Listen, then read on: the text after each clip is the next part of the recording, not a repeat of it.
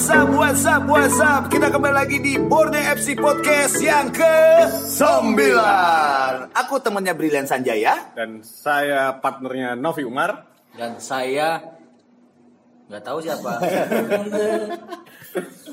siapa ya? Saya Bentley ya Oke kita kita kembali lagi di edisi yang ke 9 kita ini Ya. Dengan bahasan-bahasan eh, Ada beberapa bahasan yang akan kita coba bagikan Kita share ke kalian-kalian semua yang lagi dengerin kita ya. Eh, Selamat pagi, selamat siang, selamat sore, dan selamat malam ya. Mungkin kalian Betul. Selamat subuh juga. ya ah, mungkin ada yang subuh subuh online-nya gitu ya. Baru dapat wifi-nya subuh. Ya yang pertama kali kita akan bahas adalah tiga sponsor baru yang mensupport Borneo FC di musim 2020 ini Ada Bang Kaltim Tara ya. ya ini adalah salah satu bank daerah kita yang ajib sekali. Ya mudah-mudahan ini bisa eh, membuat Bank Kaltim Tara semakin sukses dan semakin dicintai juga oleh seluruh masyarakat Samarinda pastinya ya. Terus ada Kita bahas Mineral. dulu eh ya mineral. Terus dan betul. terakhir ada Hydro Koko ya. Hydro Koko Ah, ya. Hydro Koko ini pemain baru lah ya. Pemain ya. baru. Kalau Le Mineral udah dari, dari musim kemarin ya. Total Jadi totalnya udah ada berapa sih supporter supporter? sponsor ya. Sponsor. Eh, aduh saya nggak ini. Lebih daripada lima ya. Ya lebih daripada lima gitu. Terus eh, kita bahas satu lah. Ya Brad, mulai dari pertama dari Bang Kaltim lah. Seperti apa ceritanya, Brad? Kan kita tahu Bang Kaltim ini terakhir Kaltim Bang Kaltim Bang Tara. Kaltim Tara Ya, karena memang namanya Iya, baru. sekarang Ya, baru betul. Bang Kaltim Tara ini terakhir nyemonsori Borneo itu di musim 2000. 2017. 2017 kan kalau nggak Yes, salah ya? betul 2017. Itu zaman zamannya Sensmell ya. Iya bener Sensmell. Tiga gol benar. Sensmell. Sense Smell. Yes. Iya, Sense Iya Smell. iya iya.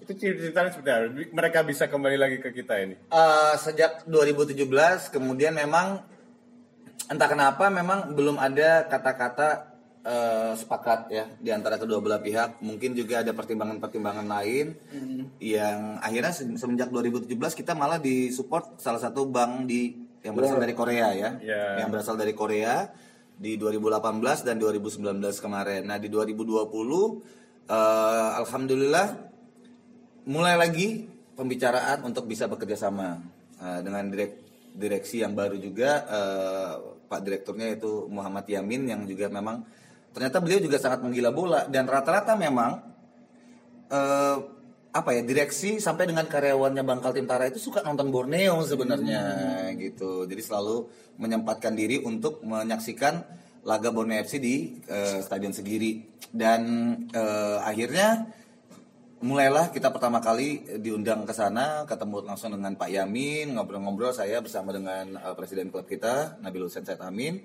Kita ngobrol-ngobrol kemudian uh, pertemuan berikutnya saya dengan uh, apa namanya direksi yang lain di Bangkal Tintara untuk membahas tentang uh, benefit Itu apa setahu gua harus harus ACC 5 direksi yang Ya, ada ya, situ, bukan kan hanya ya? lima, tapi juga sampai pemegang saham pun harus Oh. harus menentukan bahwa ini bisa bekerja sama atau tidak gitu. Dan eh, alhamdulillah setelah kita ngobrol-ngobrol, terus juga membuat beberapa program, ya di tanggal yang sangat cantik tanggalnya, tanggal 20 bulan 2 tahun 2020 kita menandatangani kontrak bekerja sama selama satu musim di eh, musim 2020 ini. Oke. Gitu. Jadi terima kasih sekali lagi untuk Bangkal Tintara ya. Thank you banget. Penempatannya di mana, Brad? eh, Bangkal Tintara itu Masuk bagian dari jersey. ya masuk di bagian jersey, tepatnya itu di atas nama pemain, di bagian Oh. posisi belakang di atas nama pemain kita. Oke, cakep. Cakep lah ya. Cakep. Terus sekali lagi kita ngucapin terima kasih Bangkal Tintara dan ada beberapa program salah satunya adalah eh, kita akan membuat Bangkal Tintara Gate di Stadion Segiri. Itu maksudnya Nah, jadi ini hanya khusus pengguna Bangkal Tim Tara gitu ya? Ya eh, se- se- sebenarnya kita pengennya seperti itu, tapi Ah. dari pihak Bangkal Tintara juga eh, tidak mau juga seperti itu. Jadi katanya nggak apa-apa kalau misalnya memang ada dari nasabah bank lain juga masuk, tapi tetap harus eh, melakukan eh, transaksinya di di mesinnya mereka gitu, di mesinnya mereka. Jadi eh, ini kelebihan eh, untuk semua nasabah Bangkal Tintara ya.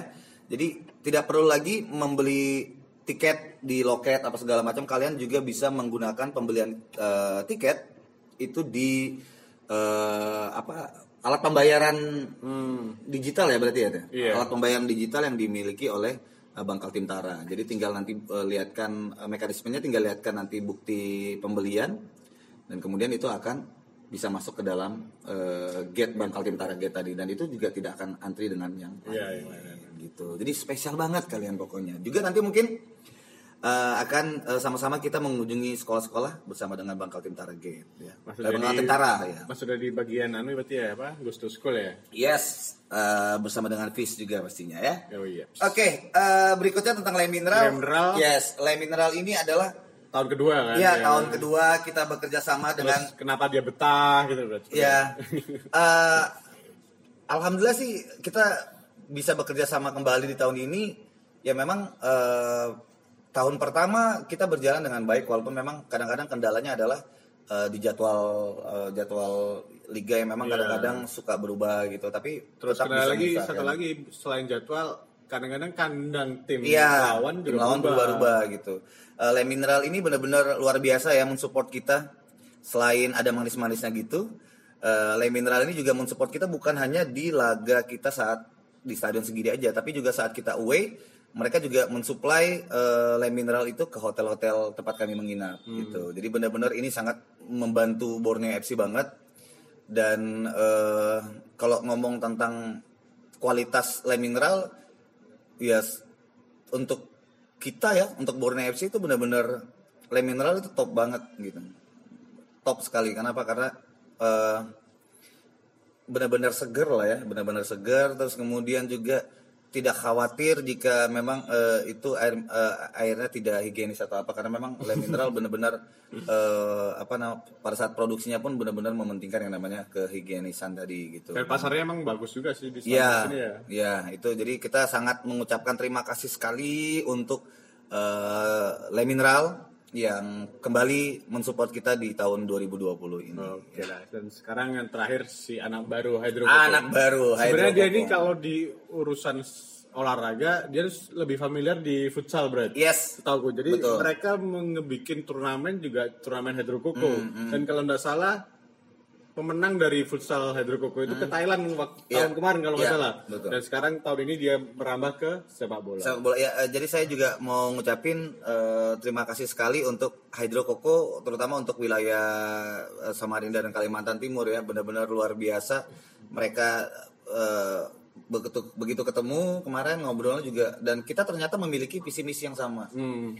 Visi misi kita itu Nah, adalah uh, untuk ya, ya, ya, ya. ya, visi misinya itu benar-benar untuk bagaimana caranya eh, sepak bola ini menjadi eh, olahraga yang memang karena kan memang sepak bola ini olahraga yang paling diminati ya dan eh, apa namanya ini juga salah satu komitmennya dari Hydro Coco yang wilayah regional yang ingin mensupport betul-betul tim satu-satunya di Kal- tim Kalimantan Timur yang berlaga di eh, kasta tertinggi sepak bola Indonesia. Ah, Makanya itu Pertanyaannya, pertanyaannya begini. ya. Sponsor secara otomatis bakal berhubungan sama eh, apa di dalam timnya. Ya. Apa yang dikonsumsi, apa Ya. segala yang masuk ke dalam tubuh mereka. Hmm. Dalam segi kesehatan tubuh pemain sendiri, apakah produk hidrokoko ini masuk dalam apa namanya eh, standar pemain yang dikonsumsi seperti apa? Jadi ah, ya, Oke, itu kan dia ah. cerita kan kemarin sebelum kita Betul. deal dengan Hydro Coco kan kamu nge, nge komunikasi sama dokter dan kebetulan Kebetulan. dokter itu hadir di Hadir di sini. Kita panggil dokternya ya. Halo ya. Eh, selamat. Pak. Selamat ya, selamat. Selamat. Iya, saya dokter di sini. Saya memang enggak ya. Ini ada dokter Hadi Wijaya. Kenalkan dulu dong siapa? Ya. Ya, Assalamualaikum warahmatullahi wabarakatuh. Saya Dokter Hadi, dokter timnya Borneo. Baru empat musim.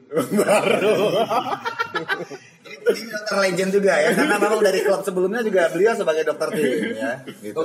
Ka- Kalian berbicara soal sejarah, Dokter Hadi lebih dari sejarah. Iya, iya. Karena siapa pun tim Samarinda, dia dokter. Oh, dokter tim ini.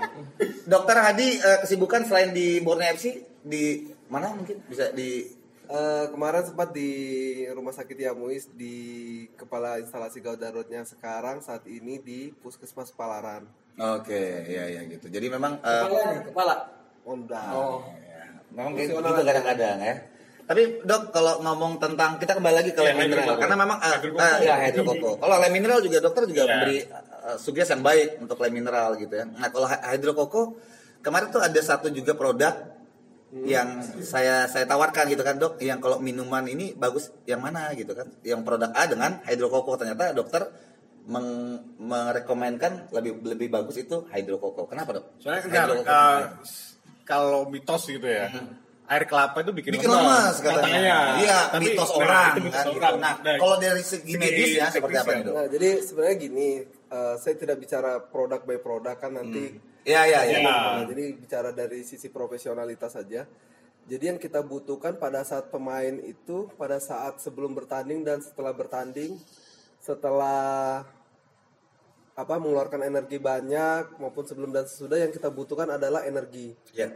Nah, memang energi yang kita butuhkan itu adalah yang mengandung karbohidrat yang mudah dicerna dan tidak punya efek banyak. Ada beberapa kemasan itu dia mengandung ada ada asam benzoat, ada yang mengandung kadar pengawetnya terlalu tinggi atau terlalu asam itu kan efek juga tidak baik. Nah, kita cari formula yang mana kira-kira mendekati lebih aman untuk pemain dan energinya juga cukup. Nanti mengenai masalah branded ya biar teman-teman yang yang nentukan ini apa. Cuma memang dari sisi tawaran yang ada yang masuk itu memang hidrokoko memang yang saat ini yang lebih apa?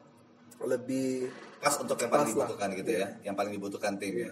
Oke, itu dia. Kalau mengenai air kelapa tadi sebenarnya kalau lihat juga kandungannya hidrokoko itu bukan murni air kelapa. Kalau air kelapa itu dia lebih banyak kaliumnya lebih banyak. Itu nggak bagus juga buat buat Atlet ya? buat atlet karena kadar tapi pada saat keluar keringat banyak ya bagus-bagus saja. Cuma dia tidak imbang antara natrium sama kalium yang ada kandungan di dalam air kelapa itu sendiri. Oke, makanya di hidrokoko itu eh, komposisinya pas untuk Iya, dia ada karbohidratnya, ada kaliumnya, ada natriumnya, jadi ada mikro mikro bukan mik, kayak mikronutriennya kayak mikro zat mikronya tuh udah cukup. Oke, dan seperti itu. Eh, Dok, selain hidrokoko, Borneo juga punya produk ya, es krim. es krim. Eh, itu apa ya? Itu gimana kalau eh, dari dokter sendiri? Kita kan maksudnya Es krim itu katanya menghilangkan memperbaiki, memperbaiki mood. Ya bisa karena memang mengandungi coklat kan. Ya. Rasa-rasa coklat yang mengandung itu memang pro. Cuma yang paling penting juga kembali ke energi. Kita tahu sendiri bahwa es krim itu punya kandungan energi yang bagus. Dia punya ting- tingkat karbohidrat lebih tinggi. Ya, cuma saya belum mempelajari lebih lanjut tentang wals kadar lemaknya seperti apa. Tapi kalau dilihat dari komposisi es krim secara umum itu memang sangat bagus buat buat orang yang habis bertanding keluar keringat banyak tapi ya dengan catatan harus mengkonsumsi air yang cukup Oke, Air untuk yang meng- meng- mengembalikan eh, apa namanya? tingkat ion- dehidrasinya ya. Hmm. Jadi pada saat dehidrasi kan kita butuh H2O, natrium, kalium.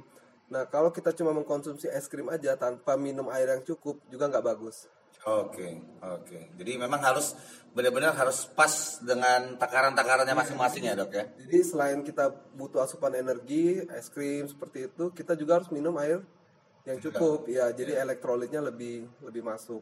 Oke, jadi eh, ini ini benar-benar komplit ya di Borneo FC sekarang di musim ini kita memiliki sponsor-sponsor bukan hanya sekedar menjadi brand saja, tapi juga kita mementingkan untuk tentang bagaimana caranya membantu tim apa namanya kesiapan pemain-pemain kita untuk bertanding gitu ya, membuat mereka tidak tidak dehidrasi, membuat mereka juga tetap memiliki tenaga dan es krim juga kalau nggak salah bisa memperbaiki mood juga dok ya mungkin ya. Iya, karena dia mengandungi zat-zat yang ada seperti coklat. Iya.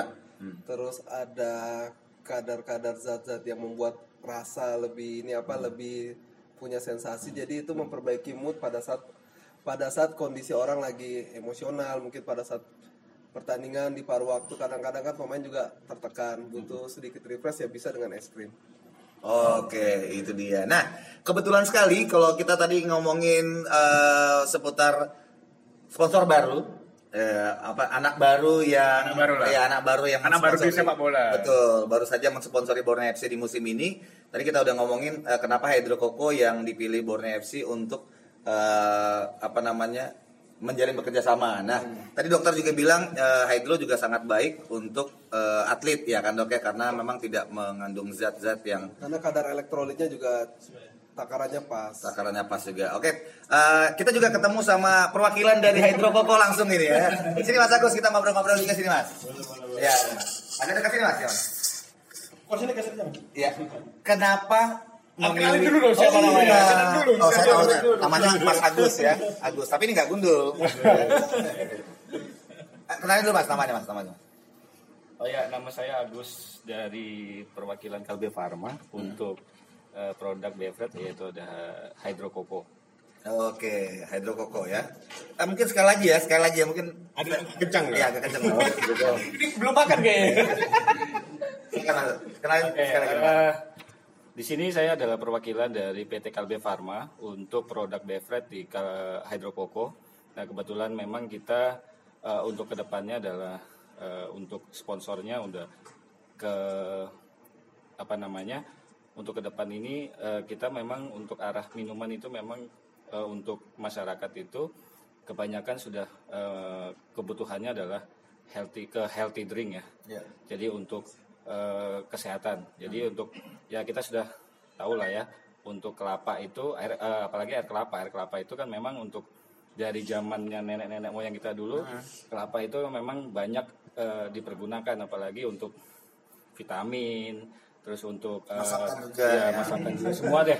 Ya, ya. semuanya sangat berguna sekali untuk di eh, apa namanya produk hidrokoko ini yang berasal dari air kelapa murni yang kita hasilkan dari produk tersebut gitu. Oke, juga ada tadi kandungan-kandungan yang juga eh, eh, apa namanya? Yang terkandung dalam hidrokoko juga tadi sangat baik untuk ini dok ya, untuk atlet ya. terus kadar elektrolitnya juga pas tidak terlalu besar. sebenarnya kalau dilihat komposisi hidrokoko itu sendiri sebenarnya tidak pure murni kayak benar-benar air kelapa cuma memang dia kadar kaliumnya aja lebih rendah kalau kali kala- kelapa kan kadar kaliumnya lebih tinggi Ya. nah di produk yang ini memang sepertinya dibalancekan jadi Ya. tidak tidak terlalu tinggi dia jadi natriumnya pas kaliumnya pas nah sedangkan di kelapa itu sendiri memang kadar natriumnya rendah kaliumnya agak Tinggi. agak sedikit banyak tapi ya untuk kondisi kayak gini sa- sangat bagus buat buat untuk eh, pemain yang habis mengeluarkan energi yang banyak Oke, itu dia. Nah, eh, kita ke Mas Agus lagi. Kenapa Mas memilih Borneo FC untuk bekerja sama Mas? Ya alasannya. lah. Alasannya ya. yang tadi tadi sudah kita bahas dari awal Iya. sih. Uh, Hydro Coco lebih fokusnya sebelumnya di futsal dan kita tahu mereka dari turnamen futsal sampai ke Thailand. Iya. Nah, kenapa kalau tahun ini di dari Samarinda sendiri mau support di fokus ke sepak bola? Borneo Khususnya. Borneo. Oke, jadi memang kita untuk apa namanya untuk program ini memang kita dicantumkan di awal 2020 adalah di sport ya, di sport ya termasuk yang memang yang kategori yang lagi kita fokuskan adalah di eh, permainan football ya, di football terutama eh, apa namanya futsal, eh, terus sepak bola lapangan besar ya kita tertarik gitu lah ya. Kita tertarik untuk bisa mensupport dari pihak eh, Borneo FC ini tersendiri gitu ya kan. Jadi ya memang di situlah eh, challenge kami untuk apa namanya eh, me- meng- apa ya kalau saya bilang itu mengolahragakan menghidupkan lagi olahraga football ini gitu ya kan yang biasanya sekarang kan yang terkenal adalah yang lapangan mini-mini ya seperti futsal atau 3 on 3 atau apa gitu ya kan. Nah, kita di sini Hydro memang lagi fokus untuk ke eh, football lapangan besar. Itu sih. Oke, itu dia ya. Eh, yang jelas kita juga eh, tadi udah saya announce di awal bahwa Hydro Coco juga akan support kita juga. Bukan hanya pada saat di kandang saja, tapi saat di away juga akan berusaha untuk mempersiapkan kebutuhan dari pemain sendiri. Karena ini salah satu eh, apa namanya eh ya komitmen dari Hydro Coco juga untuk mensupport eh, tim Borneo FC ini. Ya, karena satu-satunya tim yang berada di Liga 1 di area Kalimantan Timur ya Mas. ya. betul. Ada terakhir yang mau disampaikan dulu Mas? Eh, kesannya cukup dulu. Ya udah ya. Terima kasih Mas Agus ya. Tahu ajakan nggak apa? Oh ya ya jangan Oh iya. Um, insya Allah juga nanti akan membranding eh, ada- akan ada beberapa Oh iya, yang dilakukan, kita ya, ya? kita yang akan kita lakukan ke depan ini eh, atas kerjasama dengan eh, Hydro Coco dan pihak Borneo FC kita akan ke depannya itu adalah eh, apa namanya mengedukasi teman-teman eh, teman-teman yang ada di apa namanya sekolah-sekolah, terus teman-teman yang ada di kampus-kampus juga semuanya akan kita coba untuk edukasi untuk mengolahragakan football itu di eh, sekolah-sekolah mereka. Itu dengan cara ya kita akan buatkan apa namanya eh, lomba-lomba atau apa nanti di situ untuk promonya kita akan coba perdalamin lagi di sekolah-sekolah tersebut. Itu aja sih.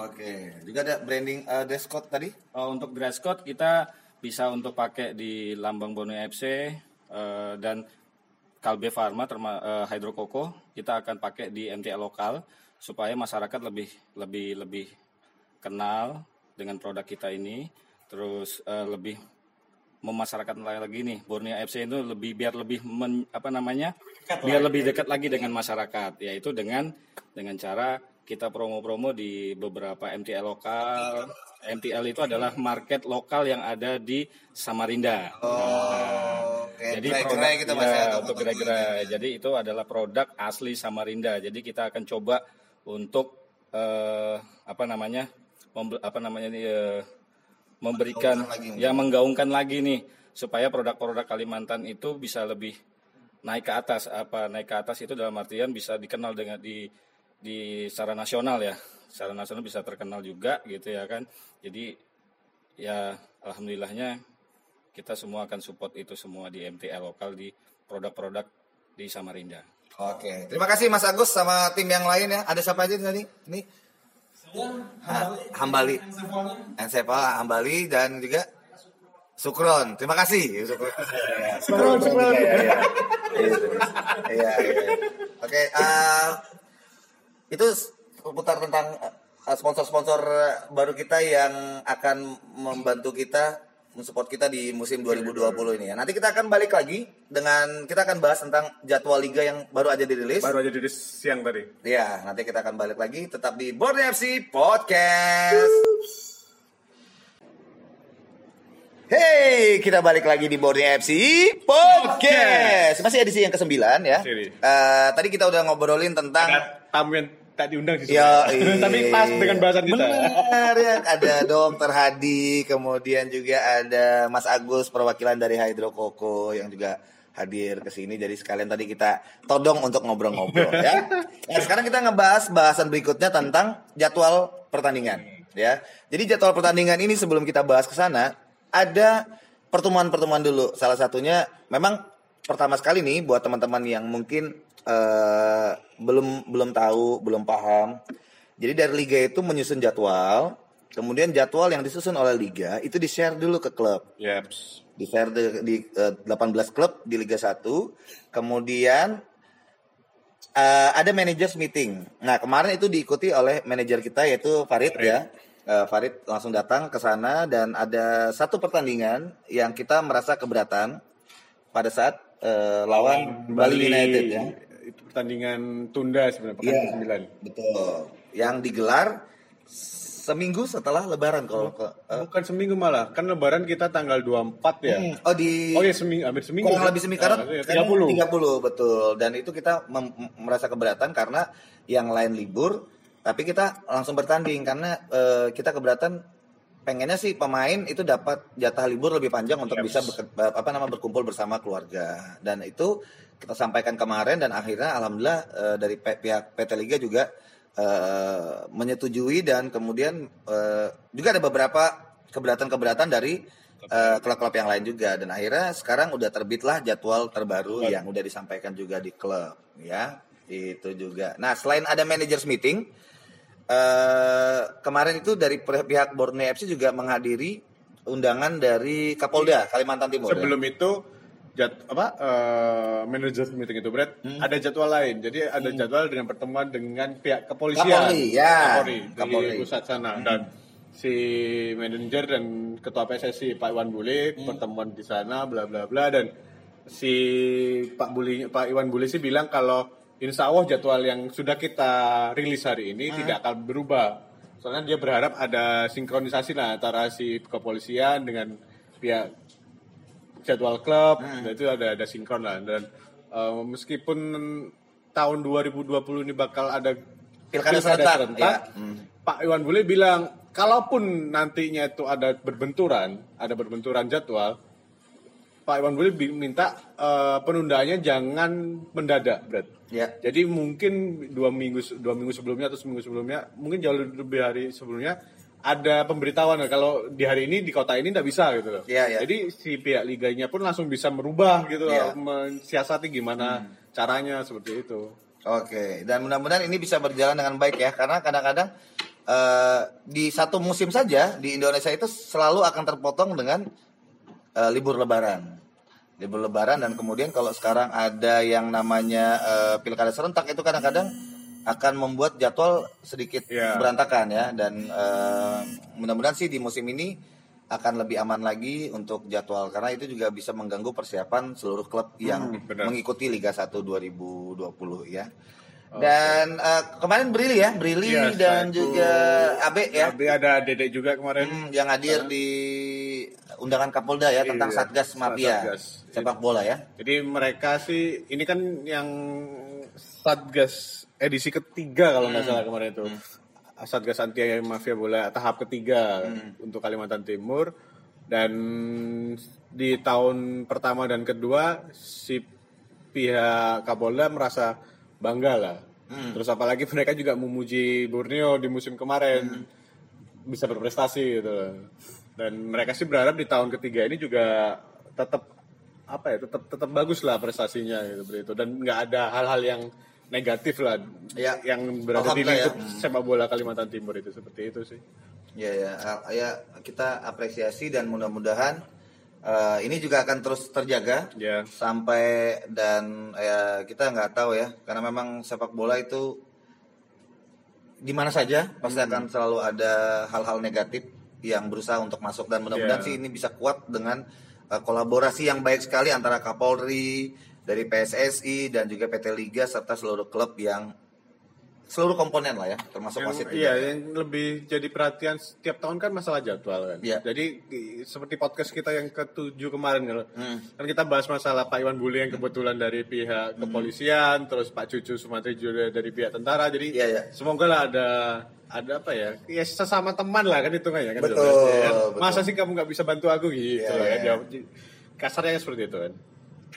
Bahasa-bahasa sehari-hari. Yo, yo, yo, yo. Dan eh, ya kalau kalau kita ngomongin tentang eh, jadwal pertandingan yang udah dirilis dan memang tidak ada perubahan kita akan away pertama kali menghadapi Macan Kemayoran Persija Jakarta ya. Ini salah satu partai yang eh, saya tunggu-tunggu juga karena apa karena ini akan kembali reuninya Edson Tavares, Tavares. bersama dengan mantan klubnya di musim kemarin ya. Ya kita kita lihat nanti akan seperti, Seperti apa. Eh, pertandingannya bakal seru banget karena ini akan dimainkan kalau nggak salah di Jakarta kalau nggak Di tidak ada perubahan. GBK. di GBK ya wah itu bakal seru banget dan kembali lagi kita memohon eh, untuk seluruh masyarakat Samarinda untuk eh, fans-fans dan supporter kita eh, jangan lupa untuk tetap selipkan doa yang terbaik untuk Borneo FC dan eh, mudah-mudahan di 2020 ini kita bisa lebih menyala Yups. ya ada lagi yang mau kita bicarakan kayaknya udah Nanti, cukup lah ya Nanti kita bahas di segmen ke oh segmen lagi di episode episode berikutnya aja ya Kan mungkin kita lebih kepada persiapan tim lah. Nanti kita bakal undang siapa lah nanti antara Ya. pemain kah atau pelatih kah. dan juga ngobrol. persiapan panpel pastinya Iya, juga betul ya. sekali. Nanti kita juga akan membuat podcast tentang kesiapan Stadion Segiri dalam menyambut eh, musim 2020, 2020. ya. Akhirnya saya temannya Brilian saja ya dan saya partnernya Novi War. dan Abe udah pamit duluan tadi ya. Kita ngucapin terima kasih dan Yo. eh, buat kalian yang udah buang-buang kota dengerin ocehan kita, tapi mudah-mudahan informasi yang kita bagikan bisa menambah referensi kalian untuk tetap mencintai Borneo FC. Eh, akhir kata, mohon maaf ya kalau ada salah-salah kata. Kita akan ketemu lagi di Borneo FC Podcast yang berikutnya. Berikutnya. Borneo FC Manyala.